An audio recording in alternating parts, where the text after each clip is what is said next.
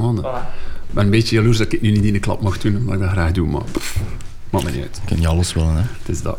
Dus alle camera's lopen. Spannend, hè. Ja, ja, moet het u voorstellen als ze aan het lopen zijn, wat je ziet niet. dat is goed, dat is, eh, dat is de goeie. hè. En wel, ik neem daar vrede mee. Ik neem aan dat dat waar is dat dat aanstaat. Een mooie meta. Dan zie ik er geen graad in om eraan te beginnen. Wat denkt u man nu? Hijzinnen. Hijzinnen? Als publiek? Dat is het belangrijkste. Cool. Max. Ik, Het is de eerste keer dat we echt ook publiek hebben. nou, het publiek is dat gebeurt. al, is al mee. Ja. Dus eh, professor Van Heulen. Ik eh, ben blij dat je erbij bent vandaag. Bij ons op de podcast. Om te komen spreken over, eh, over een topic dat toch voor veel mensen iets belangrijk kan zijn. En we beginnen altijd met een heel toffe eh, binnenkomer. Waarom was het voor u zo belangrijk om een keer te komen spreken over dit onderwerp? Dat is eigenlijk omdat psychose voor mij, als je kijkt naar alle problemen van psychische gezondheid, dat psychose toch wel het grootste taboe is. Ehm, ik denk dat er daar het meeste vooroordeel is van dat dat vreemde mensen zijn die dat hebben, dat, dat dat zelf absoluut niet wilt, psychose ervaren. En als je dat hebt, dan dat je enorm bang voelt dat je leven voorbij is. Ehm, dat er vaak ook een beeld van is van iemand die dat heeft, dat dat echt wel bergaf gaat gaan. Ehm, en dat je eindigt op straat ehm, en dat je niets meer hebt. Dat is het doembeeld. En er zijn ook mensen, maar bij elke psychische problematiek, die het moeilijk hebben. Maar dat is helemaal niet correct. De, dat komt redelijk frequent voor, psychotische belevingen. Mhm. En daarom wil ik er graag ook dat bespreekbaar maken. Ehm, Daarvoor en- zijn we hier. Voilà, dus die zin, dat is de reden dat ik er ook graag Dat zit ben. op de perfecte plek. Dat is een mooie match al, dat is een mooie match. Inderdaad, er heerst inderdaad een zeer groot taboe rond het, eh, rond het psychosegedeelte. Het is toch wel een keer de vraag waarom dat, dat weer zo zou zijn. Inderdaad. Het wordt een beetje... eh ik had daarnet eigenlijk in onze pre-roll, om, om het zo te zeggen, iets verteld over het wordt ook vaak gebruikt in de, in de media. Hè, De waanzin van een bepaald eh, beleid of wat dan ook. En dat zijn toch ook allemaal woorden die toch bijdragen aan die... eh, Ah, maar ja, dus inderdaad, je ziet dat, bijvoorbeeld over Poetin, als er daarover gecommuniceerd wordt, dat is waanzin, dat is een gek. Ehm, ehm, de psychose van de oorlog. Ja, maar dus, eh, dat wordt eigenlijk al vaak gebruikt met een super negatieve connotatie, eh, waar eigenlijk wat er toegeschreven wordt, dat soort slechtheid is. Ehm, en vandaar dat dat een enorm beladen woord ook is. Ja, En ook als je soort- kijkt naar films, Ja, veelal, eh kijk naar Joker, eh, een super interessante film. Echt, dat, dat, dat capteert in de film. Maar dat geeft wel ook weer een, heel stereotyp beeld van iemand met een psychose. is eigenlijk in essentie gevaarlijk, je Ja. moet ermee opletten. Dus je kunt met beter afstand houden. En dat is zo het beeld die ik, die ik eigenlijk wil doorbreken, omdat dat niet klopt. Omdat dat ja, gewoon een van de vormen is van, van menselijke kwetsbaarheid. Een van de manieren waarlangs dat wij, als we ons slecht voelen, hoe dat, dat zich kan uiten. En die zin is het iets die, ik kan niet zeggen dat het iedereen als op de planeet kan overkomen, maar velen onder ons gaan op die manier reageren wanneer ze het moeilijk hebben in hun leven door de werkelijkheid op een vreemde manier te gaan beleven. het anders te beleven ook. Ja. Ja. Ja. Maar het is precies ook, het is dat ik ook onmiddellijk aan denk van, als je dat aanhaalt, ehm, dat er mensen die, als ze zich dan soms een keer een beetje anders voelen, of iets anders beleven, of de realiteit net niet meer even eh, juist in handen hebben, ik zeg het entre parenthèses, Mhm. want ja, wat, wat is juist, eh, dat ze niet graag gaan, gaan denken in de richting van, ja, maar misschien heb ik een psychose, of, of misschien heb ik een psychotische episode, of, of hoe dat ook moet genoemd worden. Mhm. Eh, omdat zij ook al dat te veel linken aan het, het negatieve, aan het, aan het Ja. dat zijn slechte mensen, dat Ja. zijn verkeerde mensen, je wil zo niet zijn, of, Ja. of het gaat alleen maar erger worden. Mhm. Ehm, hoe denkt u dat we daar best van afgeraken? Mijn strategie daar rond is om daar eigenlijk zo open mogelijk over te communiceren. En vandaar dat ik ook ik beslist had om daar een bepaald moment om daar een boek over te schrijven, Mhm. die zo breed mogelijk leesbaar is. Want allee, vanuit mijn academisch werk word ik natuurlijk ook gestimuleerd om vooral academisch te publiceren. Maar dat leest een handvol mensen, dus degenen die daar maatschappelijk iets kunnen hebben, die lezen dat niet. Vandaar dat ik er ook een boek over schrijven Ja. die, die vlot leesbaar is. Net om dat, om dat ja, gewoon open te vertellen. Ja, maar zo'n belevingen, dat zit eigenlijk op die manier in elkaar. En dat is de dynamiek daarachter. Het is door dat eigenlijk te gaan vertellen, dat verhaal, dat, ja, dat mensen ook voeling kunnen krijgen van ja, maar dat zijn gewoon ook menselijke ervaringen. Dat is gelijk dat iemand anders een angstproblematiek krijgt of, of, of depressieve klachten of, of wat te veel begint te drinken, ehm kunt je ook hebben dat je de werkelijkheid, dat je, dat je een band wat verliest Ja. daarmee en dat je ja, een periode in achterdocht belandt of je lichaam vreemd begint te vinden. Ehm, maar dat is een uitdrukking van, van een moeilijke episode in een leven. En als je het zo bekijkt, dan krijg je ook meer een, een aanpak en een visie waarbij dat, dat gaat zeggen van ja, maar dan moet je eigenlijk ook contact zoeken met die mensen. Als dat een moeilijke periode is in je leven, dan moet er iemand zijn om je, daarbij, om je daardoor te loodsen. En dat is mijn boodschap die ik wil geven, ook omdat ik van mening ben dat we daar maatschappelijk, like als we spreken over psychose, over schizofrenie bijvoorbeeld, is er heel snel bij iedereen de associatie, maar dat is eigenlijk in het brein. Het is Ja. het brein die verstoord is. Ja. Uh, maar vaak dat er daar ook mensen gaan denken, ja, maar de oorzaak zit daar. Alsof dat er letterlijk een klik gebeurd is in, dat- in dat brein, dat Ja. dat brein anders beginnen functioneren is.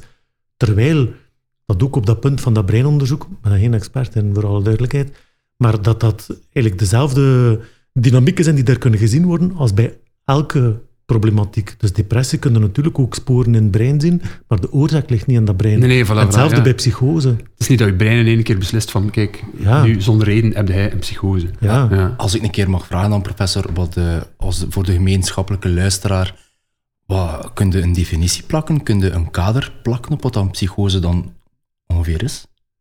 Ja, wel, de eenvoudige definitie is eigenlijk dat een psychose, dat dat is het ervaren van wanen en hallucinaties. Oké. Ja?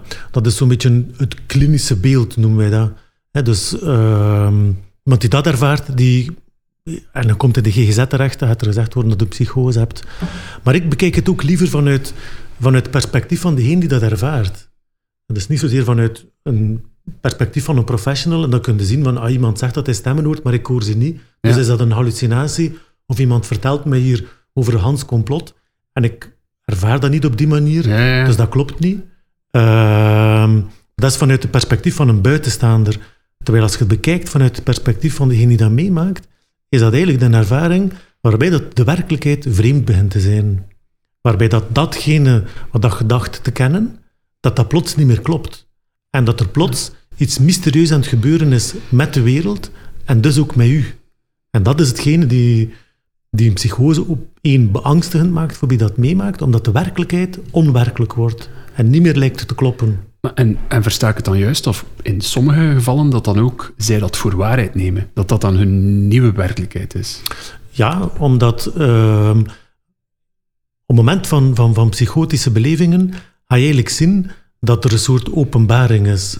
Dus je ervaart plots dat er iets anders is in de werkelijkheid. En Ja. dat kan bijvoorbeeld zijn een stem die tot u spreekt. Ja.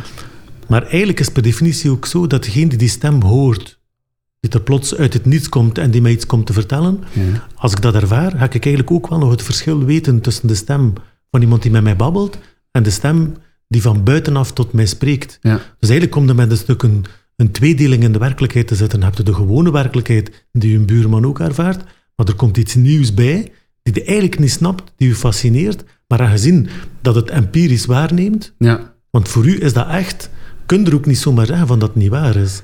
En dus komt in een soort twijfelzone terecht van wat is er nu waar en wat is er nu niet waar. Dus ergens heb je een, een bijkomende realiteit. Ja. Eigenlijk is dat het, eh, wat er gebeurt op dat moment. Ik, ehm, ik, was, ik heb daar juist ook al aangehaald, ik was super enthousiast dat hij langskwam, omdat ik heb uw boek beginnen lezen.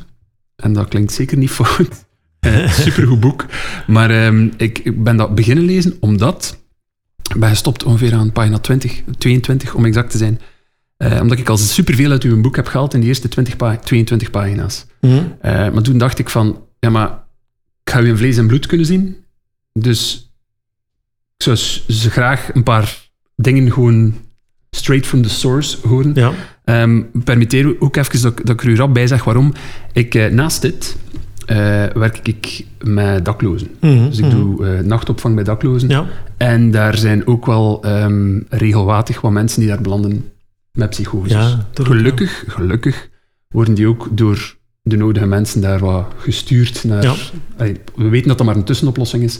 Maar ehm, concreet, uw boek heeft mij al geholpen om die verbinding te zoeken. Mhm. Want als ik ehm, het voorbeeld mag aannemen van als, als je over Mario spreekt Ja, in je boek, ja. de manier waarop dat, dat dan aanpakt, eh, dat was een enorme eye-opener voor mij. Ik, Mm. ik dacht van, als, als je daar al van uitgaat, van, ik, ik zet mij een keer in zijn schoenen. Ik heb zelf ook een paar voorbeelden van mensen die ik op die manier dan heb, gelukkig dankzij uw boek opnieuw kunnen benaderen. Ehm, maar ik kreeg het niet over mijn hart van verder te lezen tot als ik u had gezien. Ja. Dus zeker niet slecht bedoeld. Het is Ja. echt een boek die ik echt aan iedereen aanraad. Eh, want wat dat ook juist is, like dat daarnet zegt, hij leest super gemakkelijk. Mm. Het, is, het is geen ehm, hoog uit de toren preek of wat dan ook. Ehm, maar als ik... allee, natuurlijk, hij kunt het sowieso beter uitleggen dan wie dan ook. Dat voorbeeld van Mario, hoe, eh, als ik daar een keer mag achter vissen. ja, ja. Wat was voor u het moment dat je, dat je merkt van, kijk, hier kan ik echt verbinding met hem vinden? Allee, als ik het zo mag verwoorden. Ja, maar misschien zal ik kort iets zeggen over Mario. Hè? Dus Mario was eigenlijk een gast van 18 jaar, die toen ik pas afgestudeerd was als klinisch psycholoog, eh, ontmoette. Dat was in mijn, ten- allee, mijn eerste job eigenlijk als Ja. Klinisch psycholoog. Dus dan deed ik thuisbegeleidingen. En Mario was eigenlijk eh, iemand die volledig opgesloten leefde in een zolderkamer. Dus die kwam eigenlijk niet meer buiten. Ehm, en daar zat hij eigenlijk ganse dagen, een beetje like een podcastmaker, met een koptelefoon op, eh, bij zijn stereo-installatie. Maar ehm, hij zat de hele dagen eigenlijk te playbacken met muziek. Dat was ook een jongen met een verstandelijke beperking. Ehm, en die kwam daar niet meer buiten. En als hij die muziek afzette, toen praatte die eigenlijk met dingen die er niet waren. En zijn ouders, die waren daardoor natuurlijk ongerust. Dus die praten eigenlijk continu met iemand die, die zij niet konden zien en die leefden opgesloten. En zo ben ik er eigenlijk bij terechtgekomen. En de vraag was toen van, ja goed, ehm, zet iets op van begeleiding, dat werkt. Ja? Ja. Dus wat ik toen gedaan heb, is inderdaad enerzijds met Mario proberen contact te leggen, door hem ook gewoon te vragen wat dat hij hoorde, wie dat, dat was, Ja. en daar een beetje in de dialoog aan te gaan. En dan heb ik gehoord dat dat een, vrouw, een vrouwelijk personage was, die tegen hem dingen vertelde. Als ik hem een vraag vroeg, dan soms eh, eh, gaf hij rechtstreeks een antwoord, andere keer begon hij te praten met die, met die stem. Mhm. Ehm, en dat was één manier van contact zoeken die ik deed. Maar gelijk dat ik in het boek beschrijf, ehm, heb ik daar eigenlijk geleerd dat om echt contact te krijgen, ook met iemand in een psychose, dat het gewoon superbelangrijk is om eh, ergens uit een soort formele rol te vallen. Want ook ik was daar natuurlijk ook onderhevig aan bepaalde stereotype gedachten. In de zin van, dat is iemand met een psychotische problematiek. Ik ben de professional. Ik voelde me ook wel een beetje serieus ten aanzien van die de persoon die ik moest helpen. En dat was een beetje de verhouding. Maar dat, die jongen had het ook gevoeld hebben. En ook gevoeld hebben dat er daardoor een afstand was. Maar eigenlijk is de doorbraak in die behandeling er gekomen toen ik op een dag eigenlijk met mijn auto daar toe kwam ehm, op huisbezoek. En dat ik eigenlijk uitstapte uit de auto en het was aan het regenen. En dat was zo'n mooie Vlaamse bungalow met een mooi glimmend terrasken daarvoor. En ik liep vanuit mijn auto naar de voordeur, maar ik ben gewoon uitgegleden van dat terras. Op dat terras met die glimmende steentjes. En ik ben op mijn buik beland in het gras. En ik was helemaal nat en vuil. En ik stond daar natuurlijk van, ja, verdorie, eh, hoe kan dat nu gebeuren en zo. Ehm, en toen is Mario voor de eerste keer sinds lange tijd spontaan uit zijn kamer naar beneden gekomen. En heeft hij geroepen, Stijn, bent gevallen. En is hij naar de badkamer gelopen, is hij een handdoek komen halen. En is hij mij beginnen eh, wat droog te deppen met die handdoek. En plots verscheen ik eigenlijk als degene die een stukje een probleem had. Was ik een beetje de sukkelaar. En dat heeft er eigenlijk ervoor gezorgd dat er iets van een ijs tussen ons gebroken is. En eh, in de latere contacten heeft hij daar vaak nog op teruggekomen van ah, Stijn, was gevallen en moest daar enorm aan lachen. Maar dat maakte mij, denk ik, toegankelijker. Ja. Hè? Minder van, ah, dat is de psycholoog, meneer de psycholoog is daar, maar meer gewoon een mens. Mensen. En het is dat contact die daar ook bij hem gewoon gewerkt heeft. Door, door, dat maakte net ook het spreken over die vreemde ervaringen gemakkelijker, omdat ik daar niet zat als degene die daar dan de oplossing zou voor geven, ja. maar als gewoon maar iemand die daar aanwezig was. Ehm, dus wat ik daar van hem geleerd heb, is van... Het is eigenlijk welke problematiek dat ook hebt. En als dat psychose is, is dat psychose. Je moet eigenlijk proberen als een gewone mens te verschijnen in dat directe contact. Ja. En als dat lukt, dan gaan mensen eigenlijk ook spontaan een vorm van een openheid ontwikkelen, omdat ze ook voelen, als jij je niet speciaal opstelt, dat zij ook niet terughoudend moet zijn ten aanzien van die speciale mens. Ja. Ja? Ja. En dat is een enorm belangrijke houding gewoon voor, allez, voor alle hulpverleners, maar court in de maatschappij, waar dat we iets kunnen van leren. Dat is eigenlijk low profile met mensen in contact staan. Wat ik een supersterk detail vond in dat Mario-verhaal in uw boek, is hoe dat hij ook beschreef, als, als ik het juist verstaan heb, dat hij op een bepaald moment ook zijn uh, lichaamstaal opmerkte als hij met persoon, allee, het stemmetje op zijn schouder aan het praten was. Als in, dat hij merkte wanneer er hem iets gezegd werd, juist? Ja. Dus dat is iets waar dat wel zeer open en receptief moet kunnen voor zijn om, om dat te, te merken. Hè? Niet, niet zo de stempel te geven van, ja, maar tegen wie is hij nu bezig? Zo, ja, ja, ja. ja. maar dan moet je natuurlijk ook een beetje zicht voor hem, voor iemand als er een psychose is. Dat is waar, dat is waar. Ehm, maar dat was ook iets dat ik wel al geleerd had uit boeken. Dat, ah, ja, dat, stond ook beschreven.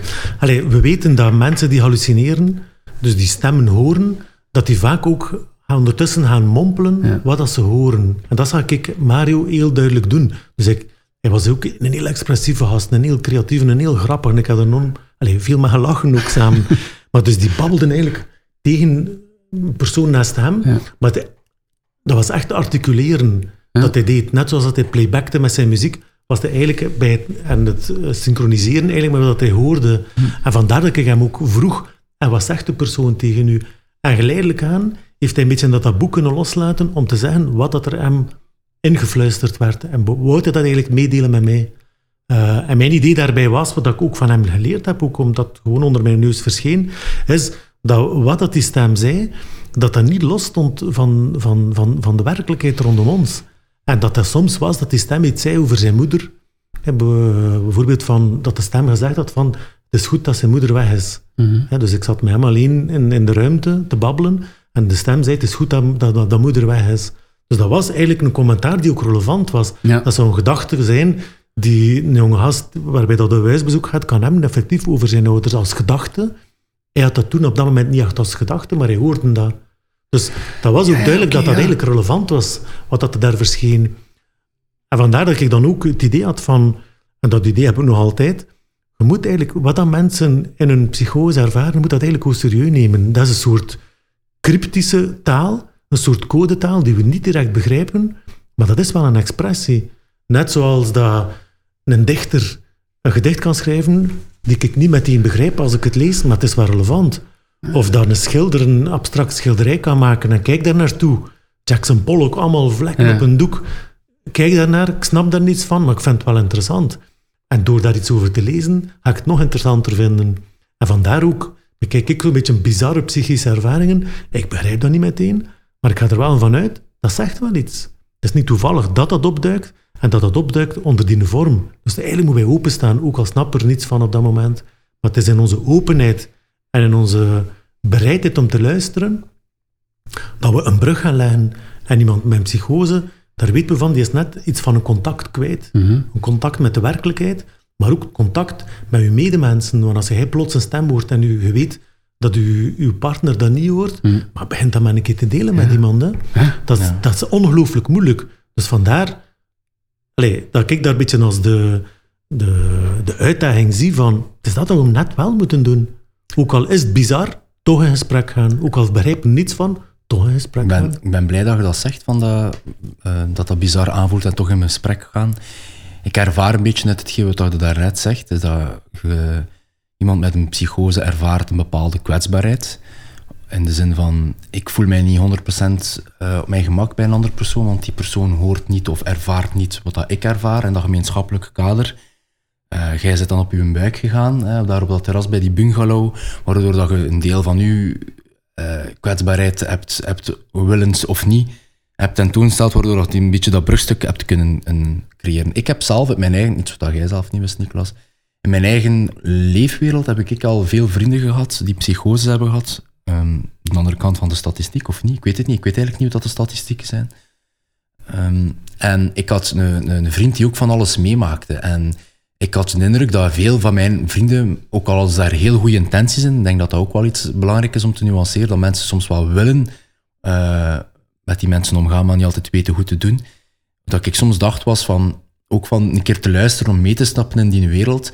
Maar ik had op dat moment ook niet per se altijd de indruk dat dat de beste tool was om te doen. Want ik dacht dan in mezelf van, uh, ik stap al mee in jouw wereld, maar doordat die persoon ook meer en meer begon te vertellen over die wereld, wat hij allemaal meemaakte, uh, wat hij hallucineerde. Maar dan dacht ik in mezelf van, ben ik dit bedrag nu aan het, uh, sorry, dit gedrag nu misschien groter aan het maken? Of is dat een typische denkfout? Ja.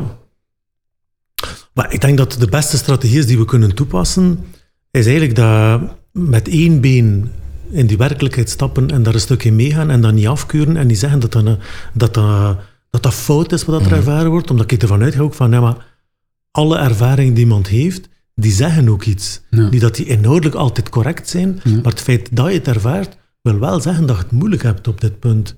En dat je op geen andere vorm van expressie gevonden hebt dan op die manier. Dus daar naar luisteren is geen probleem. Dat is iets anders dan eigenlijk dat, eh, dat te gaan versterken. Hè? Dus daar, en door, door daar ja, te zeggen van ja, dat is waar en is dat zo. En, hè, maar eerder gewoon openheid in het beluisteren van wat dat iemand ervaart. Dat is één één been meestappen. Maar anders is het ook belangrijk om met een ander been ook in het hier en nu te blijven staan. En ook die component eigenlijk te bewaren. Ehm, dus je kunt geen keer praten over die ervaringen die er zijn. En dat doe ik ook, dat ik werk, psychotherapeutisch met mensen die zo psychotische ervaringen hebben. Dat is een stuk met hen praten over die zaken. Maar anderzijds ook praten over andere dingen, over gewone dingen, Ja. over je werk, over je ouders en de miserie die er, die er daar zit, hoe dat daar moet mee omgaan. Ja. En dat zijn gewoon alledaags menselijke eh, ervaringen, Ja. maar het zijn die twee. En door, door op die twee te werken, of met die, die, aan die twee aspecten aandacht te besteden, gaat uiteindelijk de volledige persoon eh, respecteren. En dat is vaak ook een brug die een beetje verloren gaat. Dus als je dan ziet, iemand heeft psychotische ervaringen, dan kan er ofwel een grote angst ontstaan, maar we gaan er niet mee babbelen, Ja, ja, ja. ofwel kan er een grotere fascinatie ontstaan. Wow, die heeft hier bepaalde dingen, die denkt dat hij, dat, dat hij contact heeft met God en dan gaat u daar gefascineerd op focussen. Maar ook dat kan iemand een beetje een awkward gevoel geven van, "Ja, maar waarom zijn jij zo geïnteresseerd in, in dat aspect Mhm. van mij? Mm. Ja.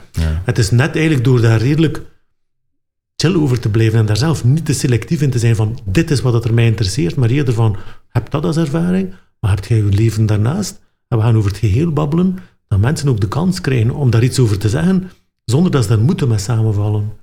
Ook al kunnen ze daar dan iets over zeggen. Ik, ik sta daar 100% achter.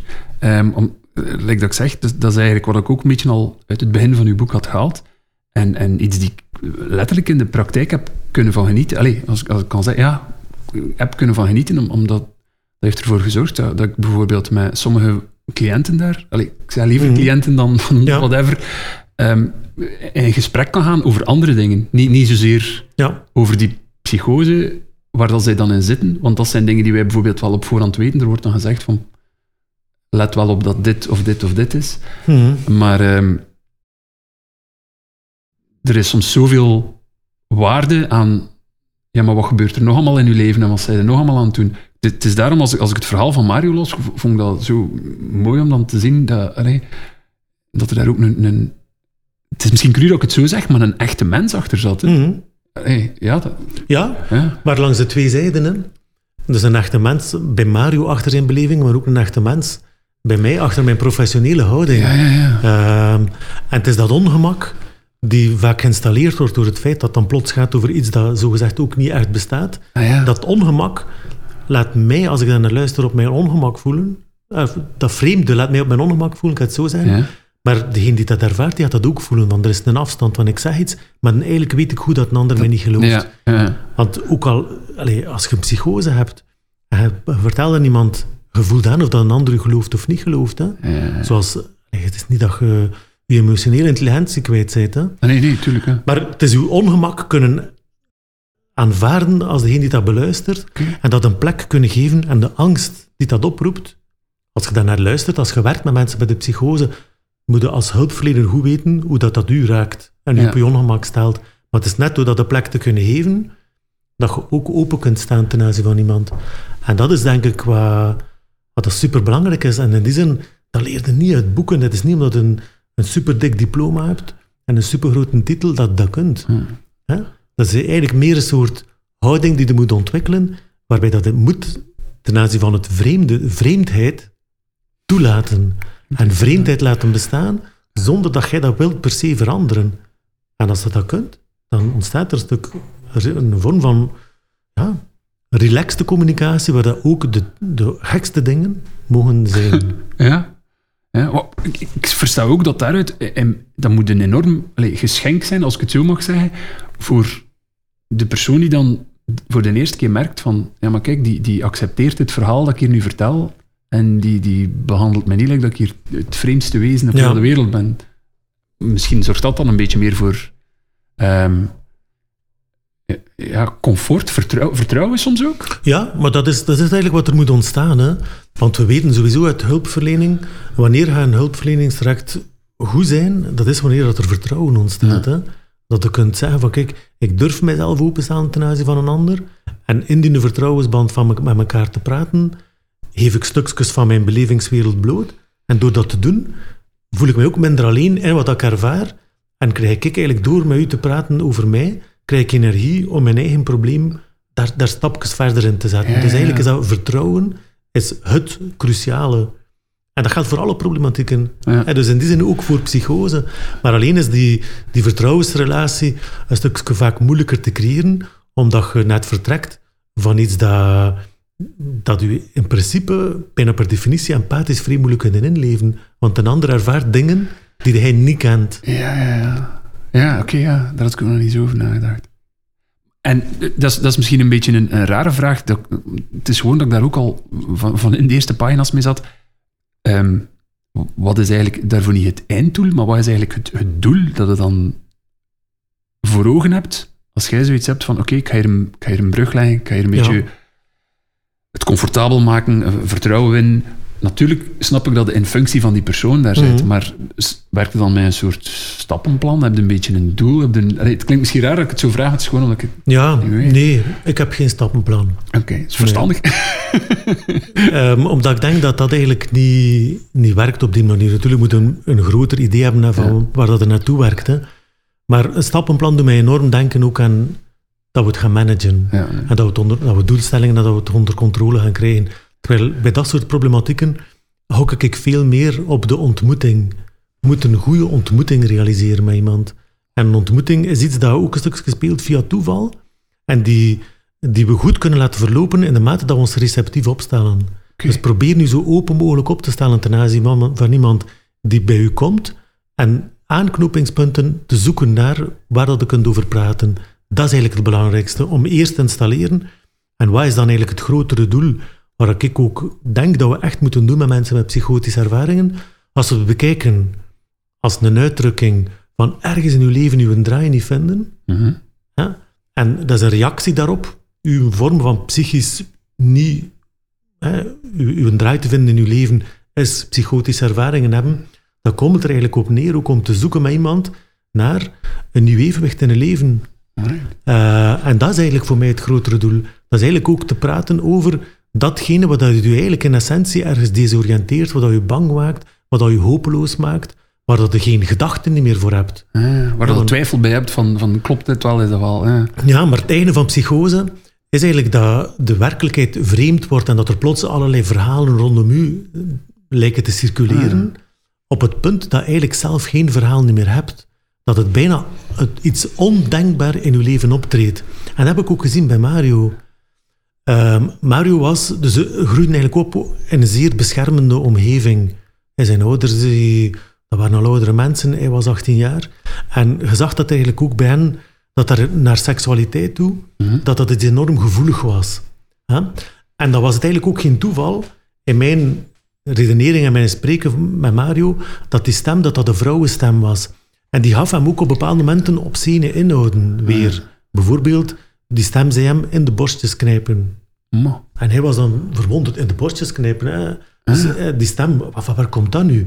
Terwijl dat ik, als ik dat ruimere kader eigenlijk zag van hem, hij had ook eigenlijk in zijn leven nog maar weinig kansen gekregen om zijn seksuele identiteit als jonge gast uit te bouwen in verhouding tot, tot, tot jonge meisjes, tot vrouwen. Ja, ja, ja. Ehm, omdat hij bij wijze van spreken van het kind ja, eh, en met meisjes spelen plots gecatapulteerd was in een soort, eh, nu verwachten we nu meer volwassen gedrag, maar er was iets eh, uitgewist als het ware van, Ja, ja. van die seksuele identiteit. En die seksuele kwesties verschenen bij hem via zijn hallucinaties. Een soort onderdrukking dan, of zo. Het is eerder, ik denk niet dat je bij psychose kunt spreken over een onderdrukking, maar eerder dat het eigenlijk psychisch niet toegelaten is. Dat een stuk van een verhaal niet geschreven is. Maar onderdrukking wil eigenlijk zeggen, bijvoorbeeld seksueel, dat er in uw fantasieën al allerlei dingen gespeeld hebben. Het zijn uw belevingen dan die je onderdrukt. Ja, ja. Terwijl iemand, gelijk Mario, die, denk ik niet dat dat ging over allerlei scenario's die mentaal in zijn eigen hoofd, in zijn bewustzijn passeerden als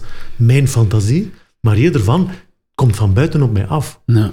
En in die zin beschouw ik ook psychotische belevingen, dus dat psychotische belevingen vaak echt ongekende stukken realiteit zijn, die u wel diep getoucheerd hebben, maar die geen plek gekregen hebben. Nee. En die u van daarom van buitenaf raken. En, Amai, ik, vind Amai. ik, vind dat, ik moet even zeggen dat ik dat enorm schoon beschreven vind. ja. en in die zin, dat is ook een grote misvatting. We komen eigenlijk een beetje uit de, de decennia van het brein. Hè? Waar dat men bijvoorbeeld over psychose heel lang dacht van, eh, dat is een, een hersenkwestie en de behandeling, dat is medicamenten. Ja. Ja? En die medicamenten, die zijn er. Ehm, maar we hebben lang gedacht, dit is het. Terwijl dat het een stuk ook is van verhaal. En een van de dingen die ons daar ook duidelijk gemaakt heeft via wetenschappelijk onderzoek, dat dat verhaal zo belangrijk is, dat was eigenlijk dat men op een bepaald moment gaan vaststellen is, epidemiologisch, dus eigenlijk op populatieniveau, dat enorm veel van de mensen met psychotische ervaringen zware trauma's hadden doorgemaakt. Ja. En dat het eigenlijk vaak die trauma's zijn die via die hallucinaties verschijnen. Wat dat stukje toont dat als je trauma geen verhaal gekregen heeft, die je intern kunt beleven, wat je kunt over nadenken, die je kunt vertellen aan de naaste, want dat is eigenlijk wat een verhaal, maar als dat eigenlijk compleet, als het ware, uitgescheurd is uit je psychische realiteit, dan gaat dat in de buitenwereld verschijnen. Als een soort vreemdheid die u bedreigt. Hè? Net zoals dat trauma u op een bepaald moment bedreigd heeft, is dat een soort vreemdheid die op u afkomt en die u bedreigt. Dus in die zin, wat wordt dan ook de uitdaging als we met mensen werken met een psychotische problematiek? Ja, zij moeten gewoon een veilige ruimte krijgen, dat ze op hun gemak zijn en dat ze ook uitgenodigd worden om over moeilijke dingen te praten. En praten over de hallucinaties en de psychische moeilijkheden zelf is vaak al een uitdaging. Maar vaak gaat er iets vreemd, iets overspoelend zijn die een plek krijgt via gesprekken. En dat is eigenlijk het doel van, van ja, waar waarom dat ik praat met mensen met een psychotische problematiek. Maar mag ik, mag ik daar dan uit begrijpen dat eh, je bent de podcast begonnen met het idee dat een externe prikkel, om het nu nog zo te beschrijven, ehm, de oorzaak kan mee teweegbrengen van een psychose? Dat dan de oorzaak extern bewerken, zoals die, bijvoorbeeld die trauma, ook helend kan zijn voor een psychose? Of zit ik er daar dan naast? Wel, ehm, wat we alles eens gaan na- naar werken, dat is dat, ehm, dat punt waarop dat eigenlijk een psychose losbarst, hè, waarop dat psychotische belevingen intenser worden bijvoorbeeld, ehm, of plots beginnen, dat gaat iets zijn dat dat triggert. Hè. En wat dat, dat triggert, dat is vaak een concrete levensgebeurtenis uit het nu, die iets oproept van, van, van, van een probleem van vroeger bijvoorbeeld. Hè. Eh, wat dat we dan gaan proberen doen in het werken met mensen met een psychose, dat is eh, een zodanige manier van spreken ontwikkelen dat dat erkend wordt dat dat trauma daar zit, dat die moeilijkheden er zitten, maar er niet van uitgaan dat de oplossing zit in en nu moet hij dat een keer bewerken en moet hij dat een keer volledig uitspitten en dat volledig vertellen allemaal.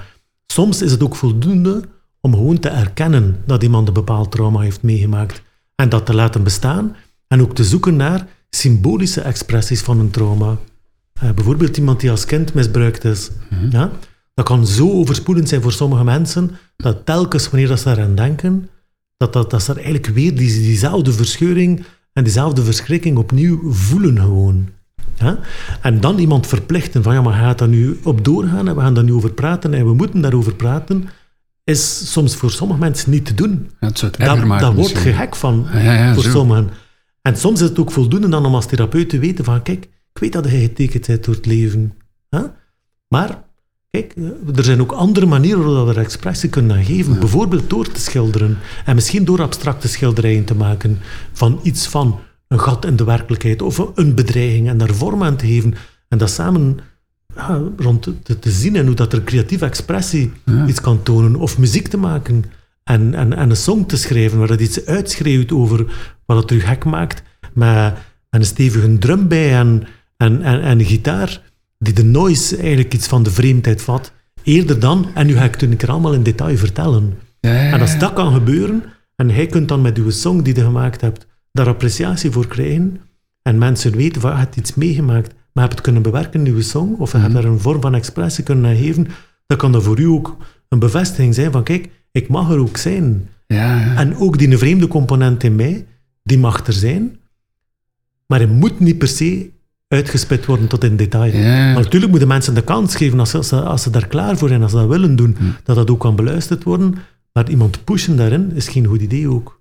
Ja, want zo die uitingen, dat is een manier van begrip en communicatie die, Ja. die ze waarschijnlijk voordien niet, allee, of anders niet kunnen invullen. waarschijnlijk. Ja. Ja, Mooi. want eigenlijk is de, een psychose is een wilde vorm van communicatie. Hè? Als Mario een stem hoort die hem allerlei dingen influistert, is dat eigenlijk ook communicatie. Hè? Want er is iets of iemand die spreekt met hem. Alleen is het een private communicatie. En niemand is ervan getuige. En hij gaat het ook verzwijgen, omdat hij weet dat een ander dat raar gaat vinden. Ja. Terwijl als jij daar dan eigenlijk kunt verschijnen, of maatschappelijk, dat we er ook ruimte kunnen aan geven, dat ook al is dat vreemd, dat dat toch eens van expressie mag gegeven worden, dan is het feit, dan is dat eigenlijk een erkenning dat je er mocht zijn in, in uw beleving. En als dat erkend wordt, gaat vaak al iets van die vreemde beleving een beetje zakken. Hij gaat iets van de bedreiging van een psychose gaat vaak al verminderen, omwille van het feit dat er een, een fundamenteel respect voor u is. En natuurlijk moet dat ergens ontstaan, of moet daar een evenwicht in gevonden worden, op het punt van waar dat ergens uw kwetsbaarheid zit. Want dat is niet bij iedereen op dezelfde manier. Nee. Dus sommige mensen zijn, ja, zijn, zijn heel kwetsbaar in hun job en dan heeft ze te veel verantwoordelijkheid en dat, dat, dat lukt niet. Andere mensen zijn heel kwetsbaar in intieme relaties, ehm, waarbij dat eigenlijk met een partner samenleven dat dat eigenlijk niet goed lukt. Hm. Sommige mensen ja, vinden het heel moeilijk om een kind te hebben. Ook al heb je een kind gewild, Ja. maar als dat kind daar dan is en, die, en, en van, van een kind te moeten opvoeden die daar gek van worden. Ja. En dat eigenlijk erkennen en daar samen over zoeken. En ondanks het feit dat het moeilijk ermee hebt, daarover brainstormen, maar ook ergens er expressie aan geven, Ja. kan er ook voor zorgen dat iemand het gevoel heeft van ja, ik mag er ook zijn, ondanks mijn worstelingen. Ja, ja. En dat, geeft, dat kan leiden tot een nieuwe vorm van evenwicht. Mooi. En als je dat kunt herkennen samen met iemand dat dat de worsteling is, dan kun je ook gaan nadenken, ja, maar wat zou er kunnen helpen om daar beter mee om te gaan? Hè? Wat ik me ook afvroeg is, ehm, ik versta natuurlijk dat elk, ehm, elke situatie en elke persoon eh, een individuele belevenis is, is en, en telkens anders is. Maar is dat iets die bijvoorbeeld uw hele leven meeneemt? Is dat iets die bijvoorbeeld... Zijn er, zijn er chronische psychoses of zoiets? Dat is, er is enorm veel variatie in. Ah, oké. Ja. Dus ehm, er zijn inderdaad chronische psychoses ehm, van mensen die eigenlijk eens dat ze beginnen psychotische ervaringen te hebben, dat dat gewoon altijd aanwezig blijft. Hè? Dat wil niet zeggen dat het altijd even intens aanwezig blijft. Dus vaak gaat het een beetje in fluctuaties gaan. Op momenten van crisis dat dat heel intens is, maar dat het ook wel kan zakken. Maar dat toch ergens op de achtergrond dat er psychotische belevingen blijven. Dat is één mogelijke eh, ja, verschijningsvorm die wij zien.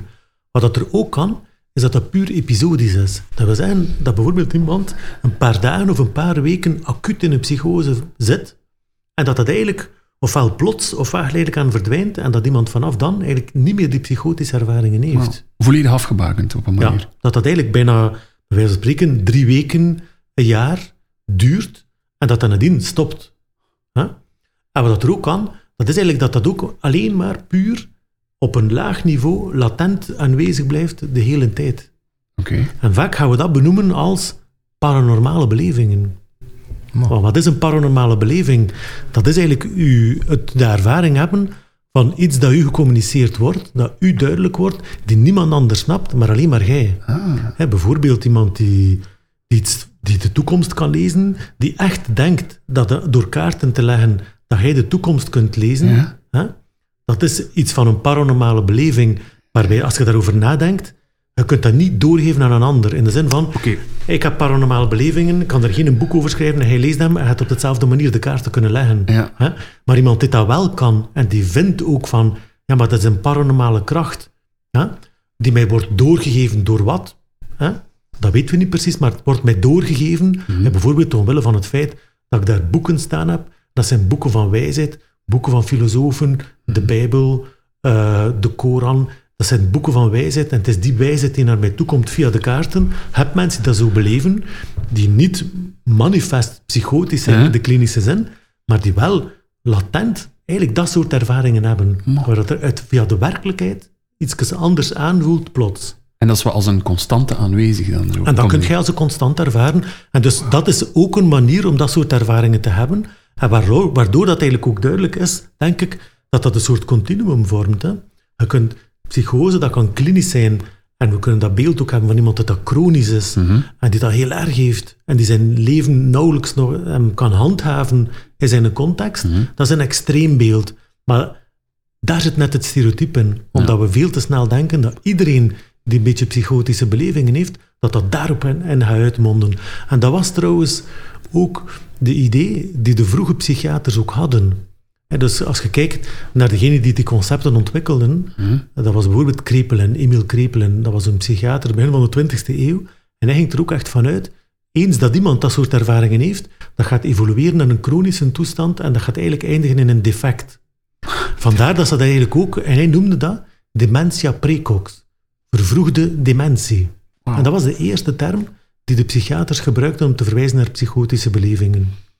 Dus dat was eigenlijk, dat defectbeeld zit ook in de wetenschap ingebakken.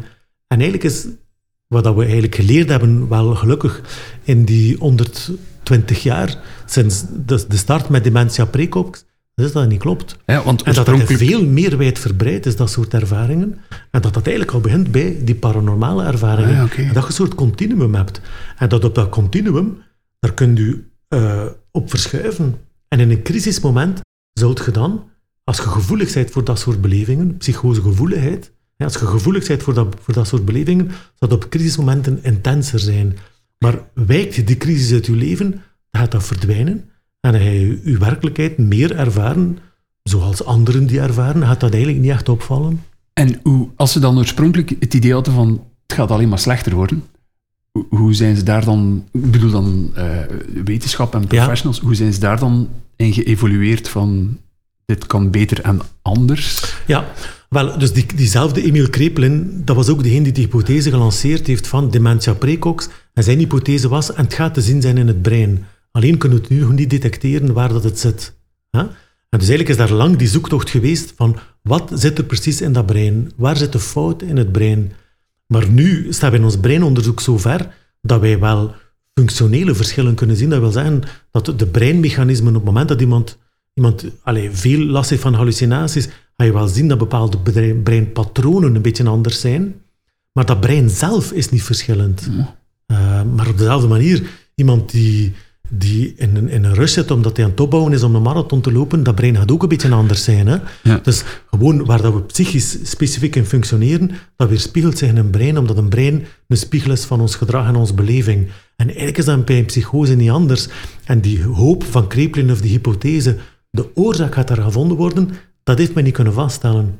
En parallel is men eigenlijk in grotere populaties eigenlijk gaan screenen hoe dat het zit met de psychische gezondheid van mensen. En hebben die screeningen eigenlijk opgeleverd van, wow, er is een ongelooflijk grote groep van mensen die eigenlijk een stuk psychotische belevingen heeft. En men heeft dat vastgesteld op populatieniveau, dat eigenlijk 15% van de bevolking ooit in zijn leven wel een keer een vorm van ervaring heeft die eigenlijk volgens een psychiatrisch handboek zou zijn, is een waan of het is een hallucinatie. Amai, 15% 15%, ja. Ergens op dat spectrum, want je, Ja, je ligt daar op dat spectrum, hè, Dus niet, ja. dus niet in het paranormale... Maar ja, maar bij dat paranormale zou dat ook kunnen zijn, strikt genomen. Als je zegt tegen je psychiater van kijk, die een boek die nu op het boekenrek staat, daarvan is er een boodschap naar mij overgesprongen en die kan ik leggen met kaarten. Wat dat die boodschap precies is, dat beantwoordt eigenlijk aan de definitie van een waanvoorstelling, omdat dat eigenlijk in de empirische zin niet kan. Empirisch gezien kan alleen maar een boodschap uit een boek tot u komen door ze te lezen of door ze voorgelezen te krijgen. Niet doordat die gedachte overspringt naar uw hoofd. Dus als jij zegt dat dat zo is bij u, dan gaat dat eigenlijk, is dat strikt genomen een beleving die past binnen het beeld van een psychose. Dus het zijn dat soort zaken die eigenlijk men vaststelt dat binnen 15%, binnen 15% van de bevolking ooit wel een keer zoiets optreedt. Dus dat is veel frequenter dan dat wij eigenlijk spontaan geneigd zijn om te denken. Ehm, en daarom dat ik ook zeg van kijk, we moeten bekijken als een continuum. En daarom dat een psychose ook niet zo gek is. Voilà. Want ik begrijp ook uit, eh, uit eh, onze podcast, uit, onze, uit ons gesprek met u, dat, dat het een heel groot spectrum is waar we op kunnen leven en dat het eigenlijk voor niet iedereen hoeft te leiden tot een defect of eigenlijk aan zich een defect is. Ja. Ehm maar ik vond dat toch wel eh, eh, toch zalig om zoveel bij te leren op zo'n korte tijd. Ja, voor zo'n interessant onderwerp. Ik kan alleen de luisteraar ook maar aanraden om het boek te lezen waarom een psychose niet zo gek is van professor Stijn van Heulen. Ik, eh, ik heb nog heel veel vragen die ik zou willen stellen. Ik zeg Niklas zijn hoofd ook. Eh, maar Sorry. maar toch zou ik ergens willen weten of er nog een kernboodschap is die je graag zou willen delen over het psychose aan de luisteraar. iets wat ze zeker moeten weten. Ehm, als er iets is wat aan de top of your mind is, anders heb ik wel nog een vraag. Goh, ik denk dat, daar de, dat er superbelangrijk is, is eigenlijk dat de contacten, de intermenselijke contacten en de gesprekken, hè, dat dat eigenlijk iets is om echt te verzorgen. Omdat dat vaak hetgene is die een stukje wegvalt. Hmm. Als iemand een psychose heeft, gaat er terughoudendheid ontstaan. Ik zie dat ook gebeuren bij hulpverleners helaas. Hmm. Ehm, dat er afstand gehouden wordt ten aanzien van hen. Maar dat het ook gebeurt in, in vriendenkringen, ehm, in familieverbanden, dat er een soort angst ten aanzien van een persoon ontstaat. En eigenlijk proberen blijvend in contact staan, dat dat het superbelangrijke is. En ook niet denken dat medicamenten, hoewel de medicatie ook een ondersteuning kan zijn voor, voor, een, voor een grote groep van mensen met psychotische ervaringen, dat dat de oplossing of de genezing daarvan is. Dat is een ondersteuning in het, in uw, in, om uw bewustzijn een beetje op orde te krijgen. Maar het is niet dat zo een antipsychoticum, zo noemen die medicamenten, dat dat werkt gelijk een antibioticum waar dat een bacterie mee doodt. Dat is eh, iets dat even helpt om bepaalde zaken minder hevig te laten binnenkomen in die niet, bewustzijn. niet de oplossing. Hè. Ja. Ja. Wij hebben ooit een podcast mogen opnemen. in Samenwerking met 1813, zelfmoordpreventie. En ik merk een fantastische parallel. Ik denk dat mensen die hier naar zullen luisteren of kijken, shout-out, jullie allemaal, ehm, dat ze, hetzelfde is een beetje rond mensen die gedachten hebben rond zelfdoding. We hebben een bepaalde schrik om met die mensen om te gaan. Misschien vanuit een projectie. eh, dat kan eigenlijk van alles zijn, maar wat ik hier toch lijkt te mogen verstaan van wat jij zegt, is net zoals bij zelfdoding, gaat proberen in dialoog te gaan. Probeer te luisteren waar die mensen mee bezig te zijn. Ehm, met één been in, eh, in de werkelijkheid en het ene andere in de andere werkelijkheid, om, Mhm. om nu uw eigen woorden ehm, te parafraseren. Ehm, maar probeer toch ook een beetje die verbinding te maken. Dat vind ik toch heel essentieel. Dat is toch iets wat ik eruit heb gehaald vandaag, Mhm. Nicolas en eh, Stijn. Dat vond ik toch wel heel mooi. Ik denk dat dat wel iets kan zijn voor de luisteraar, als, je, als er iemand is met een psychose. Of eigenlijk eender wat, hè. Ja, ja, Eender voilà. wat, hè. in Probeer toch die verbinding te ja. maken, hè, dat brugstuk. Ben, ben ik blij inderdaad dat het, eh, dat het ook wat opentrekt. Ehm, ik, ik schrijf wel specifiek over psychose om dat iets van het taboe te doorbreken. Maar eigenlijk is het ook een pleidooi inderdaad voor een ruimere attitude van, van, van openheid en verbinding, die natuurlijk bij allerlei problematieken belangrijk Ja, is. Hè. Hetzelfde voor iemand met een drugsverslaving of, of met een depressie. Ook daar moeten we die connectie vinden. Hè. Zeker. Ik, ik apprecieer ook enorm dat het, dat het je, je maakt ook nog maar een keer duidelijk dat dat ook leefbaar is. Hè. Dat, is Mhm. dat is niet het einde van, van Ja. je bestaan en je zijn. Hè. Dus Mhm. dat, eh, ik denk dat dat ook veel mensen hoop kan geven. Right? Ja, Hm. vind ik mooi om mee, eh, mee af te ronden. Een boodschap van hoop. Ja. Super bedankt om ook tot hier te komen. Een Gentje in de Eskimo-fabriek. ja, ben nu wel dat is graag gedaan. Van het is hier toch gezellig. Dus dank u wel, professor. En nu kan ik eindelijk uw boek verder lezen. Voilà, voilà, zo. Voilà. Veel plezier verder. Ja. Ja. Merci. Ja. Voilà, de Max. Super. Super, bedankt. Ja. Professor Mooi. Stijn van Heulen. Voilà. Mooi, vlotjes. Was dat echt al drie kwartier? Holy shit. ja, Sorry. dat was inderdaad ook van... Sorry. eh, Sorry voor de duizend vragen, maar Nee, nee, nee, maar- het stond echt te popelen. Ja, ja, ja. En ik vind het zelf plezant om zo gewoon te babbelen. Vandaar dat ik ook niet gevraagd heb van geef mij vragen. Of zeg mij wat je ja. vragen. Dat, ik wil dat ook liever gewoon op de, de Max. op de VIF. eh, Ik heb nog veel vragen, maar ik ga ze nu stellen. Ik, eh,